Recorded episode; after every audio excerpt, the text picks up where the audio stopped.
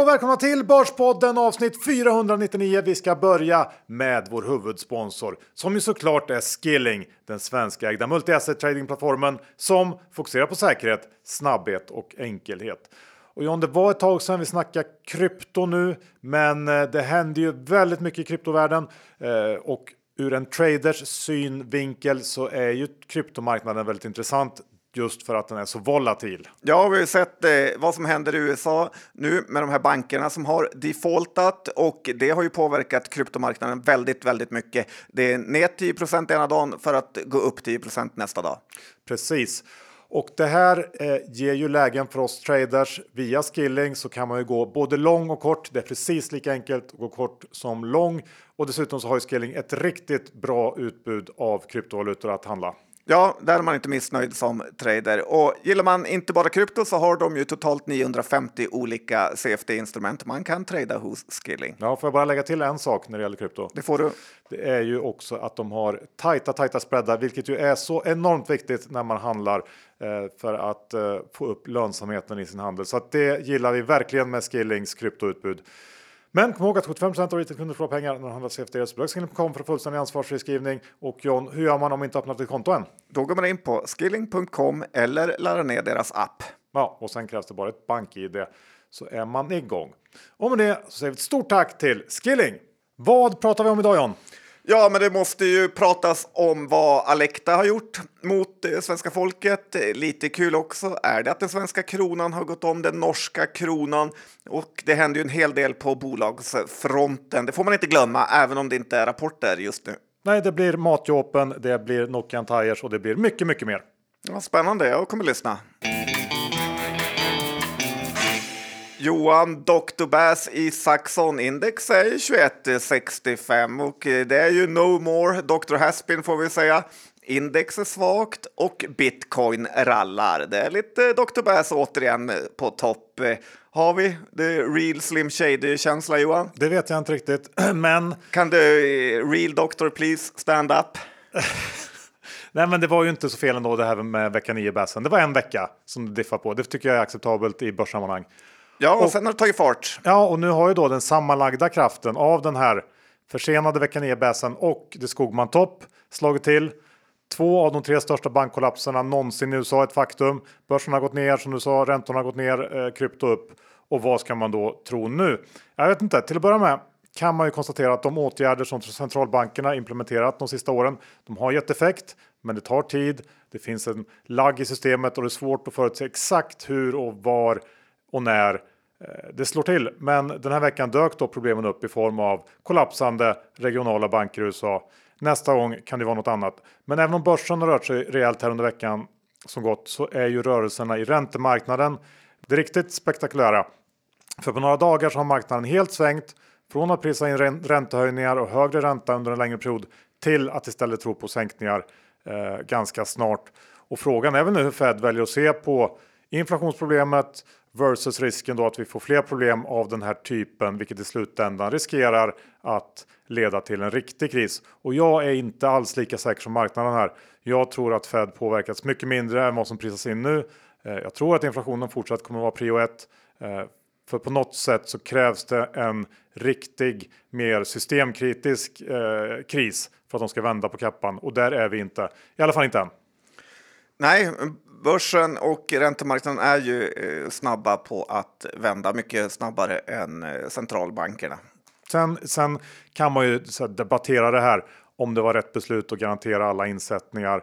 Eh, vad innebär det att insättningsgarantin i praktiken nu är obegränsad eh, när man pratar om moral hazards och annat.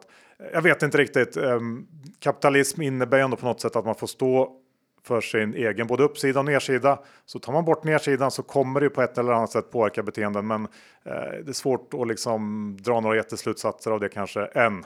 Ja, jag vet inte om jag håller med om det riktigt, för det är inte så att aktieägarna, bland annat Alecta, är så nöjda med sina innehav i Signature Bank och eh, SVB, fått... utan de har ju verkligen förlorat allting. Att de som har stoppat in pengarna inte ska förlora eh, tycker jag är en eh, annan sak. Det tycker nog jag också egentligen, men vem vet om det ändå påverkar på något sätt. Det påverkar kanske ändå hur man väljer att driva sin bank eh, på något sätt. Ja, det är möjligt. Men jag tycker också... Men vi kan gå över till Alecta, eller? Har, har du ja, men jag tycker det är lite kul att prata om det här som eh, räntehöjningarna har orsakat och eh, som eh, det faktiskt har snackats alldeles för lite om, tycker jag. Det är de här enorma hålen i balansräkningarna som har skapats för alla som äger obligationer på grund av eh, de aggressiva räntehöjningarna.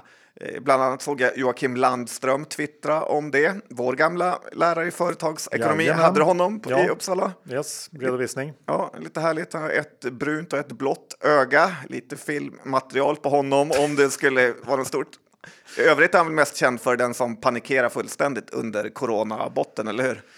The Landström Bottom, va? Ja, han fick fullständig panik eh, då. Eh, men det kan vi lämna. Nu tyckte jag han skrev en ganska intressant tråd om eh, det här att många som äger obligationer tar ju upp dem till värdet som man ska få om man håller obligationen till förfall eller to maturity som de säger på engelska. Alltså att man då ska få 100 kronor av 100 och eh, att det egentligen inte spelar så stor roll vad räntan är och vad obligationen handlas i på andrahandsmarknaden.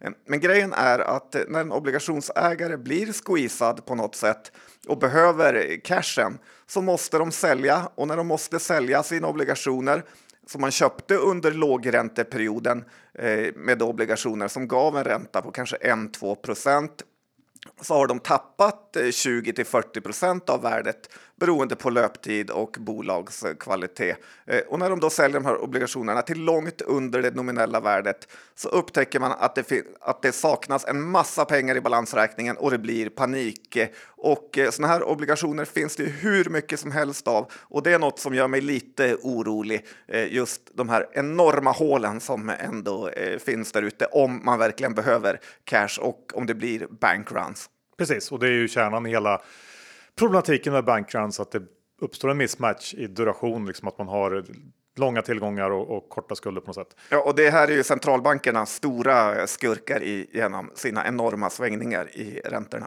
Så är det och det för oss till då eh, Alectas haveri i eh, de här amerikanska regionala bankerna Eh, där de har späckat bort massor av pengar. Ja, men jag har faktiskt väldigt, väldigt svårt att förlåta det här. Mainstream media verkar ju gått i den här fällan att det är så lite pengar och det är bara en liten del av Alectas eh, portfölj. Eh, klassiska spindoktor-snacket. Medan jag är ju mer inne på att de här ska sitta i fängelse.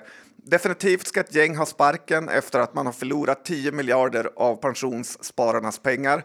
Dels som straff, men också för att man kan inte ha människor på såna här poster som fattar så dåliga beslut.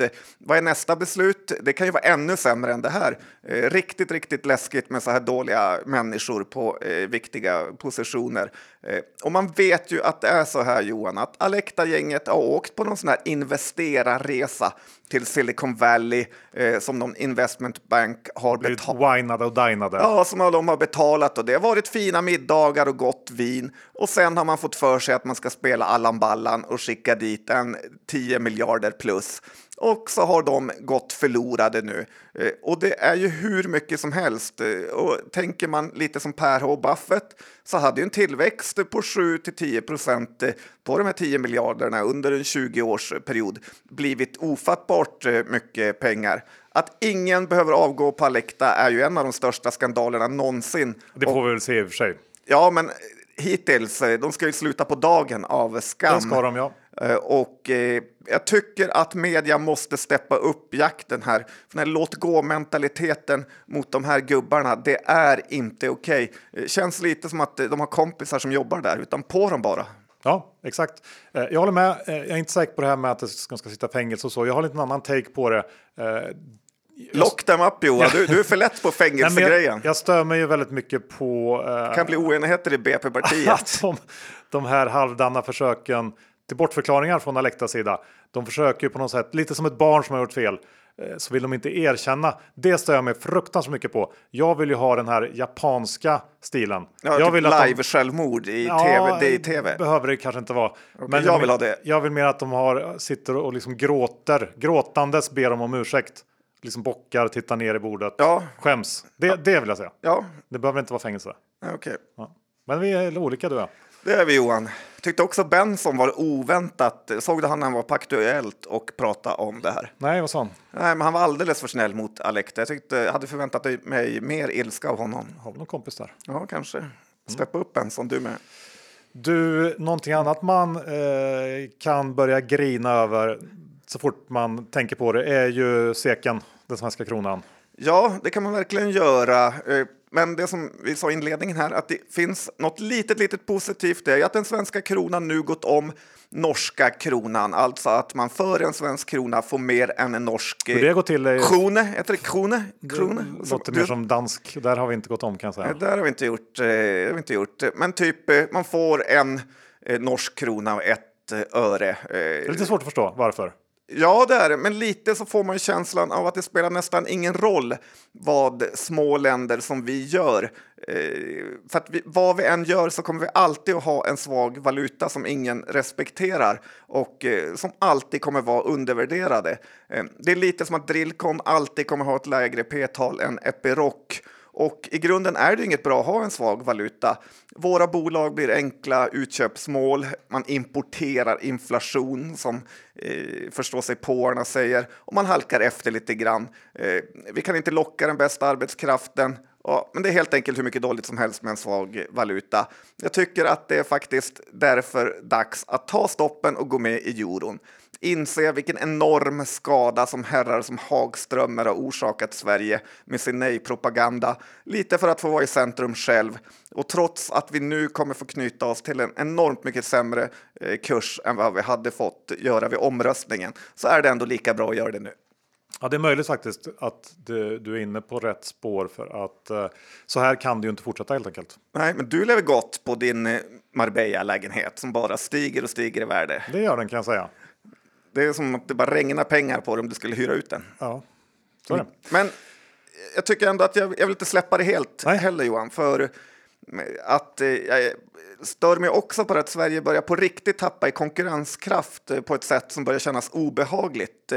I veckan stod det ju det att det finns typ inga utländska hantverkare kvar i Sverige för att alla har åkt till länder eh, där man får mycket bättre betalt. Att polska hantverkare eh, typ inte kan skicka eh, hem pengar längre för att de inte är, inte är värda något och att de får så lite betalt jämfört med om de jobbar i något annat land. Och jag vet inte om du följer Djurgårdens fotbollslag som spelar i Europa här mot Lech Poznan från Polen. Mm. Ja. Eh, det som är sjukt med det här är ju att Lech Poznan har tre stycken svenska spelare i sitt lag, bland annat den som tidigare var lagkapten i Djurgården. Och jag tänker så här, hur långt har vi fallit i konkurrenskraft när Sverige har blivit en farmarliga åt Polen? Poznan är inte ens en stor stad i Polen utan det är typ 500 000 pers eh, som bor där. Och det laget kan alltså erbjuda utan problem mer än vad svenska huvudstadsklubbar kan och då är ändå Djurgården en av de rikaste eh, klubbarna. Eh, något fel har det blivit. Ja, precis. Det har det, det eh, kan vi slå fast och gå vidare. Nu eh, ska vi prata om den volatila börsen. Vad medför det om? Nej, men jag tycker att man inte ska vara för orolig för den och jag vet att många förstår sig på det, allt ute och liksom eh, är skrämda av att det rör sig så mycket. Men det är egentligen ganska bra för det gör att folk inte tar för mycket risk. Det behövs lite shakeouts och rensa ut lössen eller vad man vill kalla det för att man inte ska bygga upp eh, för mycket risk i systemet. Det är när alla börjar tro att saker inte kan hända som de händer och att eh, massa banker som tar för hög risk och sen går i pukten är bland det bästa bästa som kan hända för att hålla alla giriga människor på mattan. Så är det och eh, på tal om det där med att det ska eh, hända lite grejer på börsen för att eh, man ska eh, lära sig saker så eh, ja, det kan vara värt att påminna sig om att aktier faktiskt kan gå till noll. Eh, det är ovanligt, men det händer. Ja, man har varit med om det en och annan gång. Ja, jag har egentligen bara en sån eh, erfarenhet um, och den ligger fortfarande kvar i portföljen. Det handlar om det här norska sophämtarbolaget Reno Norden. Kommer du ihåg dem John? Det gör jag. Mm. Där var det liksom en cocktail av stora skulder, eh, kontrakt som tagits till underpriser och ja, smutsiga normen eh, i någon slags kombination där som slutade i konkurs. Och den konkursen var jag med på. eh, det sjuka med det här var ju att jag gick in i aktien bara några veckor innan konkursen var ett faktum. Och eh, jag kommer ihåg att vi var på något mingel då jag Eh, och där träffade jag placeras Martin Blomgren för första gången. Jag vet inte, det var någon EFN-fest tror jag. Eller någonting. Alla fick komma tydligen. Ja. och vi pratade om lite olika case och jag berättade stolt om hur jag hade tagit ett bett i Rena Norden. för, för som jag sa att aktiemarknaden prisar i princip in en konkurs nu och så illa borde det inte bli. Men precis så illa blev det och eh, det var ju eh, inte heller så att marknaden prisade in en konkurs för det fanns fortfarande 100% nedsida kvar eh, och det här var då några veckor innan eh, det hände. Där gav jag ju ett riktigt proffsigt första intryck. Har han frågat om några fler råd? Nej, nej sen, efter det så har det varit helt tyst från Martin Blomgren. Eh, men av någon konstig anledning så ligger mina Rena Norden-aktier fortfarande kvar i portföljen. Jag ser dem varje dag. Eh, värde noll står det och i början tänkte jag att jag måste säga till någon här att ta bort de här. Men med tiden så har jag ändå börjat uppskatta den här påminnelsen om hur illa det faktiskt kan gå. Ja, det är mycket bra eh, lärdom. Vi är sponsrade av den aktiva fondförvaltaren Kliens kapitalförvaltning och Kliens förvaltar totalt åtta fonder och har fyra svenska aktiefonder som tillsammans täcker hela spektrat av den svenska börsen från de allra största bolagen till de minsta. Och John, de som är intresserade av fonder vet ju redan att världens största fondanalytiker Morningstar varje år utser Sveriges absolut bästa fonder. Det är en relativt djuplodad analys som består av både avkastning och risk baserat på dels det senaste årets resultat, dels den senaste femårsperioden. Och som bekant så vann ju Klient småbolag kategorin svenska småbolag förra året. Och vem vann i år John? Ja, men det är ju så att det gjorde ju indexkrossaren Carl Sundblad. Ganska härligt va? att vara indexkrossare. Ja, och han vann ju då för andra året i rad sin kategori. Och det här är ju ändå mäktigt att se vad en framgångsrik aktiv förvaltad fond kan skapa för mervärden. Sedan starten 30 september 2016 fram till sista februari i år så har alltså klient småbolag avkastat 198 procent och det är drygt 100 procentenheter mer än Carnegie Small Cap Index efter avgifter. Ja, det är så bra så att man blir glad för alla sparares eh, skull. Och Johan, hur gör man om man vill köpa den här fonden?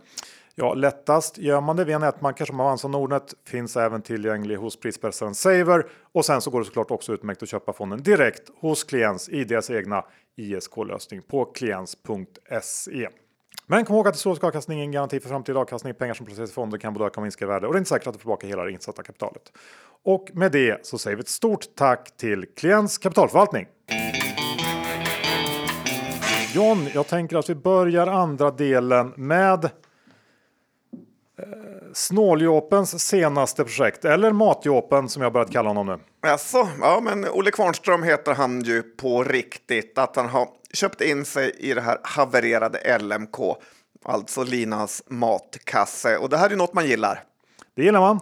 Att en kille man följt under i princip hela hans karriär nu på riktigt försöker sig på något utav det svåraste man kan göra. Styra upp ett turnaround case.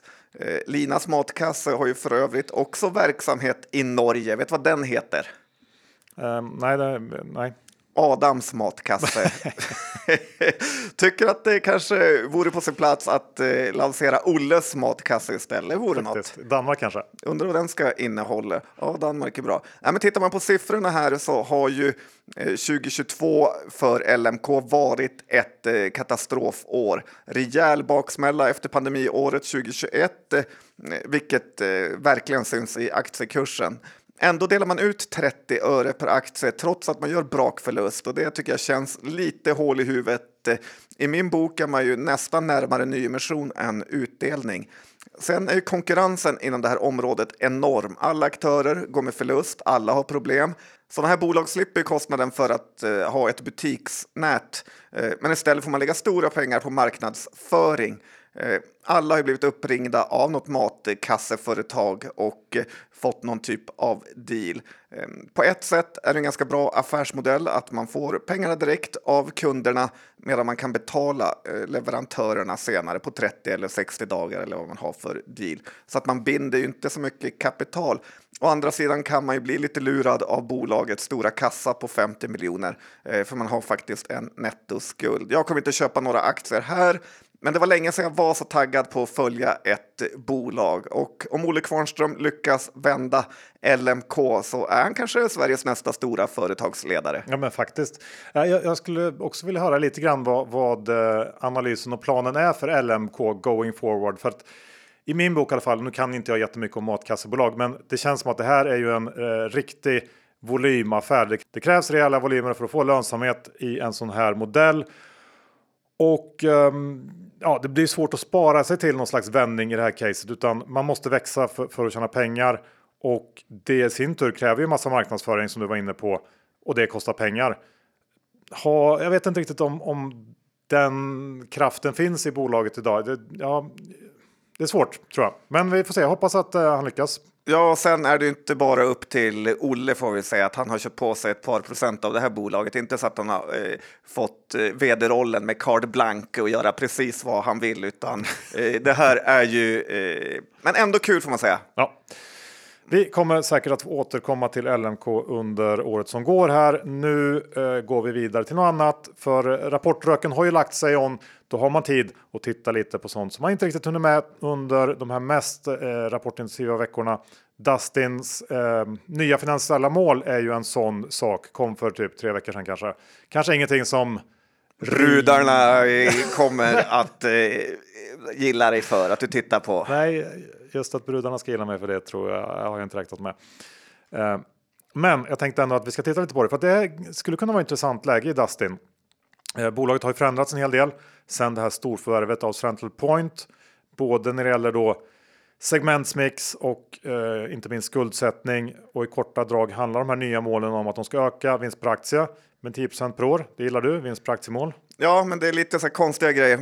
Alla vill öka vinsten med 10% per år. Ja, det vill man. Gör det då eh, istället för att liksom haverera aktiekursmässigt. Och då eh, året 25-26, de har ju brutit räkenskapsår, så ska de nå en omsättning på 30 miljarder, Eh, göra en justerad ebitda på 1,4 miljarder, vilket då ska leda till en VPA på 6,5 kronor.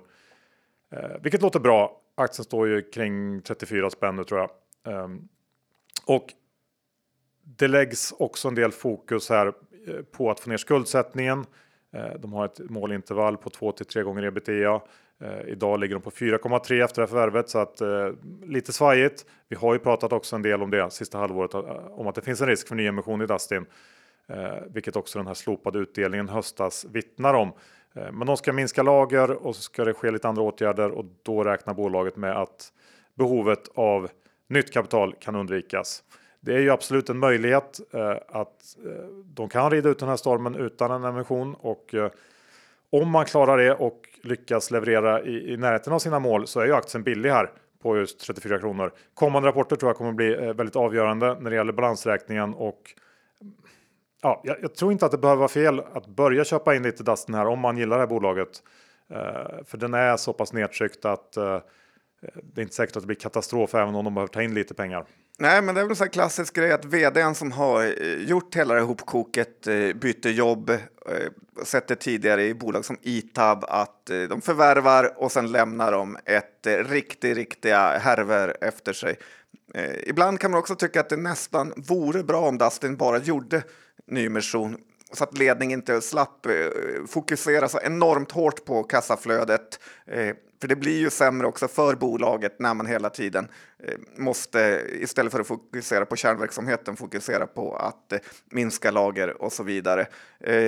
Jag vet inte, jag tror också att Dustin är ett hyggligt köp, men tyvärr har den här aktien alltid känts lite så, men aldrig riktigt levererat. Nej, men, men som sagt, följ, värt att följa här kommande rapporter. Uh, helt enkelt. Vi går över till Svedbergs. Vad säger vi om dem John?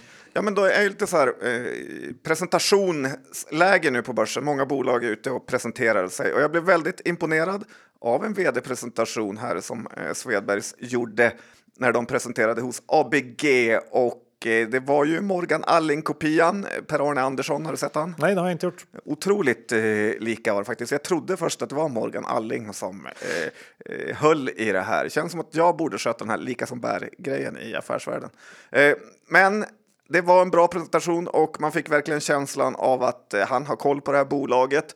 Och eh, det här, eh, enligt honom, då är ju ett av bolagen som kan gynnas av hela byggkrisen att de är ute på förvärvsjakt.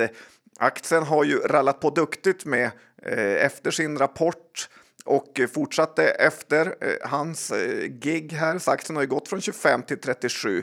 Samtidigt är ju bolaget fortfarande snorbilligt om man tror på prognoserna med p-tal kring 8 Eh, något eh, som är bra för den här typen av bolag är ju att även om det bromsar upp med renoveringar och nybyggen så kommer ju alltid efterfrågan tillbaka samt att det är lite grann som den här sjukvårdsskulden man pratar om så finns ju en renoveringsskuld då det alltid behövs produkter eh, som Svedbergs säljer. Och sen gäller det ju såklart att undvika att man ska bli ett nytt Nobia, men det är en helt annan sak.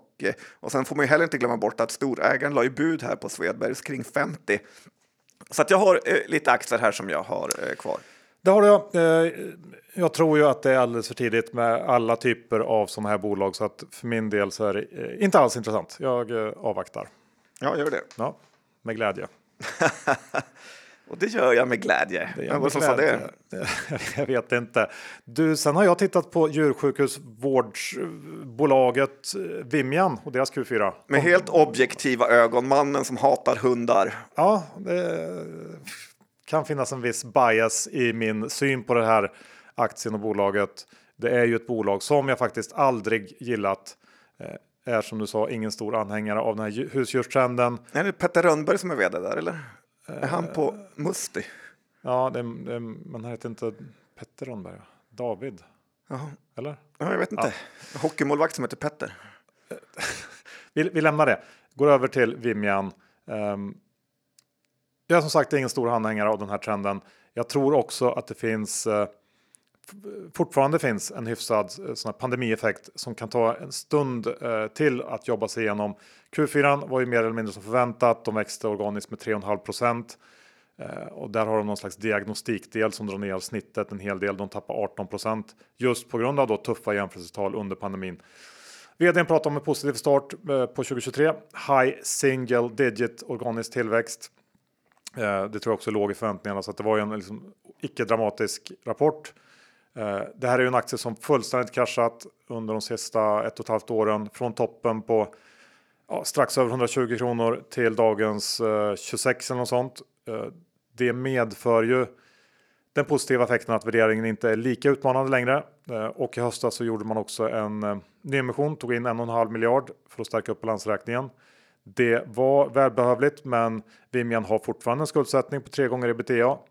Och tittar man på de här prognoserna som analytikerna lagt för 2023 så handlas aktien till 20 gånger ev ebit i år. Det är ju inte tillräckligt lågt för att jag ska bli intresserad. Och jag tycker också att eh, det känns som att det finns en risk för att den här dämpade efterfrågan kommer att fortsätta genom någon typ av kombination av liksom fortsatt normalisering efter pandemin kombinerat med generellt pressade hushåll som kanske inte kan eller vill betala för topp toppsjukvård för sina husdjur. Så att för mig är det här inte intressant än trots nedgången. Nej, men det här bolaget har väl gjort lite av en eh, samma resa som Sweden Care som också har gått riktigt, riktigt uselt. är väl nere på 25 eh, kronors nivån. Eh, enda uppsidan jag ser är väl att det blir lite som i Japan, att ingen skaffar barn längre utan man istället skaffar små husdjur som man tar hand om. Ja, det, det var min take. Det tror du på? Jag vet, nej. Nej. Men det är enda räddningen menar du? Ja, men det är väl eh, något som skulle kunna fortsätta eh, öka omsättningen. Ja, jag tycker det känns långsökt. Ganska långsökt. Så jag, tror, jag tror att det, det, kommer att vara eh, fortsatt låg organisk tillväxt och då tycker jag 20 gånger ev ebit är för mycket. Ja, men bok. det låter dyrt. Mm. Du, sen ska, måste jag bara säga några ord om kriminalteknikbolaget Microsystemation. Ja, Joel Bolle rök. Ja, efter 21 år på vd-posten och det här är ju någonting som jag i alla fall trott skulle hända mycket tidigare än vad det har gjort. Eh, det borde varit en av de första åtgärderna för aktivistägarna i det här bolaget efter att de tog över då makten av före detta ordföranden Tjärnberg. Det är ju då eh, vilka har vi som eh, aktivistägare? Gruvan har vi, ja, Alkur, Alkur och sen har vi Robert Aldin va? Edastra. Vi har mm. även grenspecialisten. Ja. Vi har Cervantes. Ja. Mycket tuffa killar här, dags att börja leverera. Ja, det är väldigt många finanskändisar. Men det tog då två år ungefär eh, att peta Bolle och eh, bättre sent än aldrig får man väl säga här. Jag håller fast vid det här jag sagt tidigare tror jag att den position som MSAB hade för sig 15 år sedan när smartphonen slog igenom och blev liksom en enormt viktig del i alla brottsutredningar. Den positionen slarvade man bort. Eh, det var delvis Bolle, men kanske framför allt ordförande Kärnberg eh, som jag ser som skyldiga där. Och jag har ju väldigt mixed feelings för det här bolaget. Har haft perioder då jag älskat bolaget men också perioder fyllda av hat. och just nu så känner jag faktiskt ingenting. Eh, Nej, det är den värsta av alla känslor ja, ja, ja, ja, eh, kanske har gått vidare på något sätt. Eh, men nu har väl ordföranden fullt upp med att sänka Flowscape, heter de va? Ja, precis. Eh, det är en annan historia. Men frågan nu är väl, går det att blåsa liv i det här bygget? Eh, kanske, eh, tror jag, men det behövs nog eh, några lite större förändringar. Både omsättning och resultat har ju fladdrat runt under en ganska lång period utan att egentligen röra på sig alls. Och eh, min eh, analys back in the days när jag var engagerad ägare var att MSAB behövde bredda sitt erbjudande och sin kundbas. De skulle behöva komma in och sälja mycket längre ner i organisationen. Det vore ju till exempel rimligt att i varje polisbil fanns utrustning som möjliggör att tanka ner innehållet i en mobil och inte som idag där de här forensiska labben gör precis allting. Eh, jag tror att den analysen fortfarande håller. Dessutom och då borde... tänker du polismannen då ska sitta där och titta i Nej, bilen han, vad som händer? Men han borde kunna tanka ner i alla fall så att man har det. Okej. Okay. Tjoff tjoff, så har man det. Ja, känns ändå lite scary. Ja, jag ger inte in på de här diskussionerna. det känns som att du är Kina, Singapore-läge, att alla polismän ska åka runt och bara tanka ner info ur ens telefon. Ja, men för att det ska gå snabbare och liksom inte ska kunna mixtras med mobil. Jag vet inte. Jag tycker att det verkar vara en rimlig grej. Eh, såklart ska det finnas vissa regler för när och hur man kan göra det, inte bara hipp som happ. Men poängen mm. är att man, man snabbt ska kunna säkra bevis. Eh, dessutom så tycker jag också att man borde kunna ta fram liksom ännu bättre mjukvaruhjälpmedel som snabbt identifierar och sorterar fram de viktigaste grejerna eh, i all data som finns i telefonerna. Brist på resurser som kan ta hand om alla beslagtagna mobiler verkar ju vara en väldigt trång sektor hos polisen eh, och då tror jag man måste fundera på vad man kan göra för att hjälpa kunden där. Men om vi ska gå tillbaks till vd-bytet så eh, Bolle fick ju gå med omedelbar verkan. Eh, man har inte någon ersättare klar. Det behöver ju inte betyda någonting alls. Men jag gissar ändå att man har haft de här planerna ganska länge och jag kan tycka att styrelsen redan borde haft en ny vd klar. Om det nu inte är så att Bolle har trampat snett igen och gjort det omöjligt för styrelsen att ha kvar honom. För det har hänt förr. Och uh, ja, jag vet inte. Lite, Vad hade han gjort då eller? Nej, men han har ju gjort lite. Det har varit konstiga insiderförsäljningar. Det har varit märkliga beslut. Jag tycker att han, han har inte imponerat som vd under de här 21 åren. Uh, ja, det är helt enkelt uh, min analys. Men eh, och jag tror att långsiktigt så är det här rätt beslut. Men det adderar på något sätt lite kortsiktig osäkerhet. Eh, det här eh, snabba skiftet.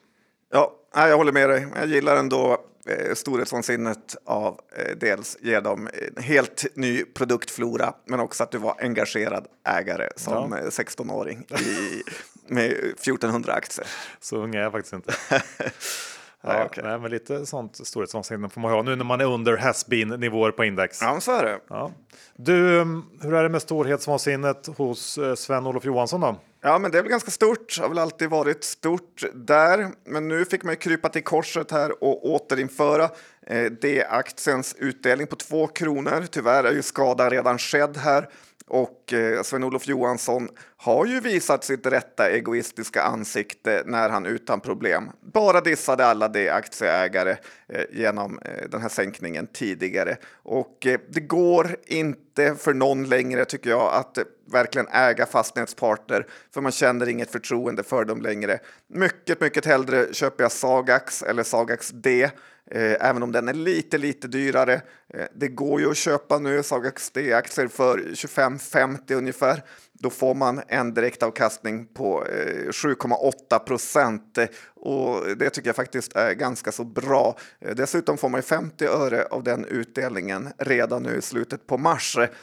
Så att jag har köpt lite Sagax D och mycket, mycket hellre än eh, fastighetspartner.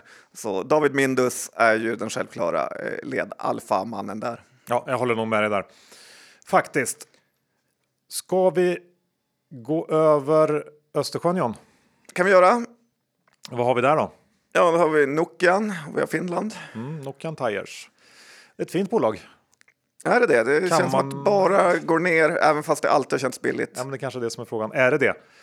Ja, det var länge sedan vi pratade om Nokian Tires. Det här har alltid varit ett bolag som jag har eh, gillat av någon eh, oklar anledning. Jag vet inte riktigt. Kanske att man gillar deras vinterdäck helt enkelt. Det känns som kvalla. Ja, man gillar deras reklamfilmer. Ja. Börna runt på isvägar. Och...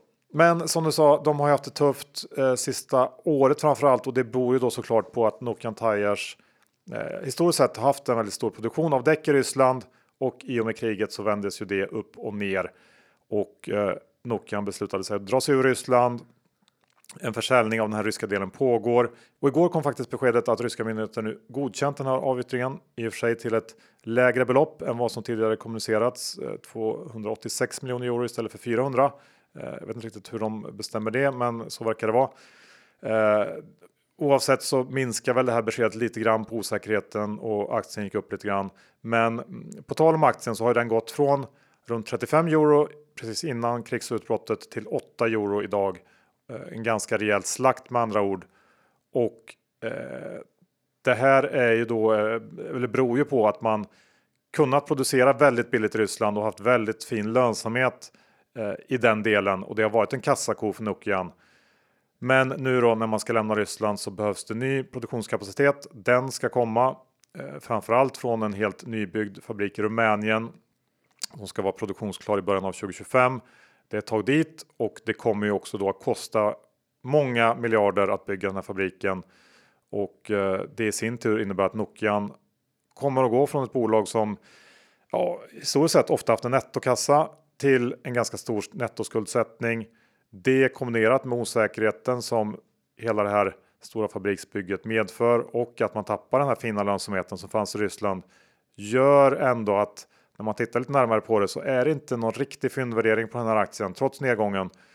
Eh, jämför man Nokians värdering med eh, andra däcktillverkare så handlas Nokian ändå med en premie på ja, åtminstone 50% Även om man tittar ett par år fram i tiden där analytiker räknar med att eh, den här fabriken ska komma igång och börja producera. Så jag hade hoppats på att Nokian eh, var ett fynd nu efter den nedgången men eh, jag får det inte till det när jag gör en liten eh, djupare dykning och tittar på det här. Nej, men tittar man på bolag som Goodyear så har ju de också historiskt eh, presterat eh, väldigt dåligt. Jag får mig att de handlas i 10 dollar nu och det har de gjort de senaste 20 eh, åren. Så det här är ingen bra verksamhet. Alla, alla var... däcktillverkare verkar handlas till mer eller mindre liksom ensiffriga multiplar också. Inga höga värderingar på de här bolagen. Nej, det känns som en ganska basic business med att göra gummidäck. Det var väl bara Trelleborg som lyckades få ganska bra betalt för sina traktordäck. Sen tycker jag hela Rysslandsgrejen också är ganska märklig. Hur vissa bolag kan sälja sina delar och det är okej, okay, medan andra bolag bara får lägga ner dem rakt av eh, eller lämna allt eh, hals över huvud. Så att det är oklart. Ja, det är, det är lite märkligt och eh, sen en sista grej att tänka på med Nokian Tires om man ändå är köpsugen så har man det här är ju ett liksom H2-bolag. Det är ju väldigt eh, mycket tyngdpunkt på vinterdäck och eh, de guidar, de guidar också för att, att H1 kommer bli svagt. Så att jag, ja, det känns inte som att det kommer bli några jätteroliga rapporter från Nokian här eh, närmsta rapporttillfällena. Vinterdäcksspecialisten Johan Isaksson. Yes, sir. så är det. Man är från Värmland.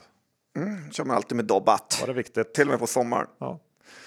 Du, på tal om usla aktier John, du har ju två usla som du eh, vill prata lite om. Ja, men jag tänker vi kan göra det. Lite sån här ter terapisession eller? Ja, du har ju pratat om dina konkurser så kan väl jag ta och titta på eh, två bolag som förstört för mig och presterat eh, katastrofalt senaste året. Eh, eh för det är lätt att vara kaxig när det går bra. Eh, men hur hanterar man katastrofer kan också vara kul att veta. Inte för jag riktigt vet vad jag ska göra av det här. Men det ena är ju Bear Diagnostics.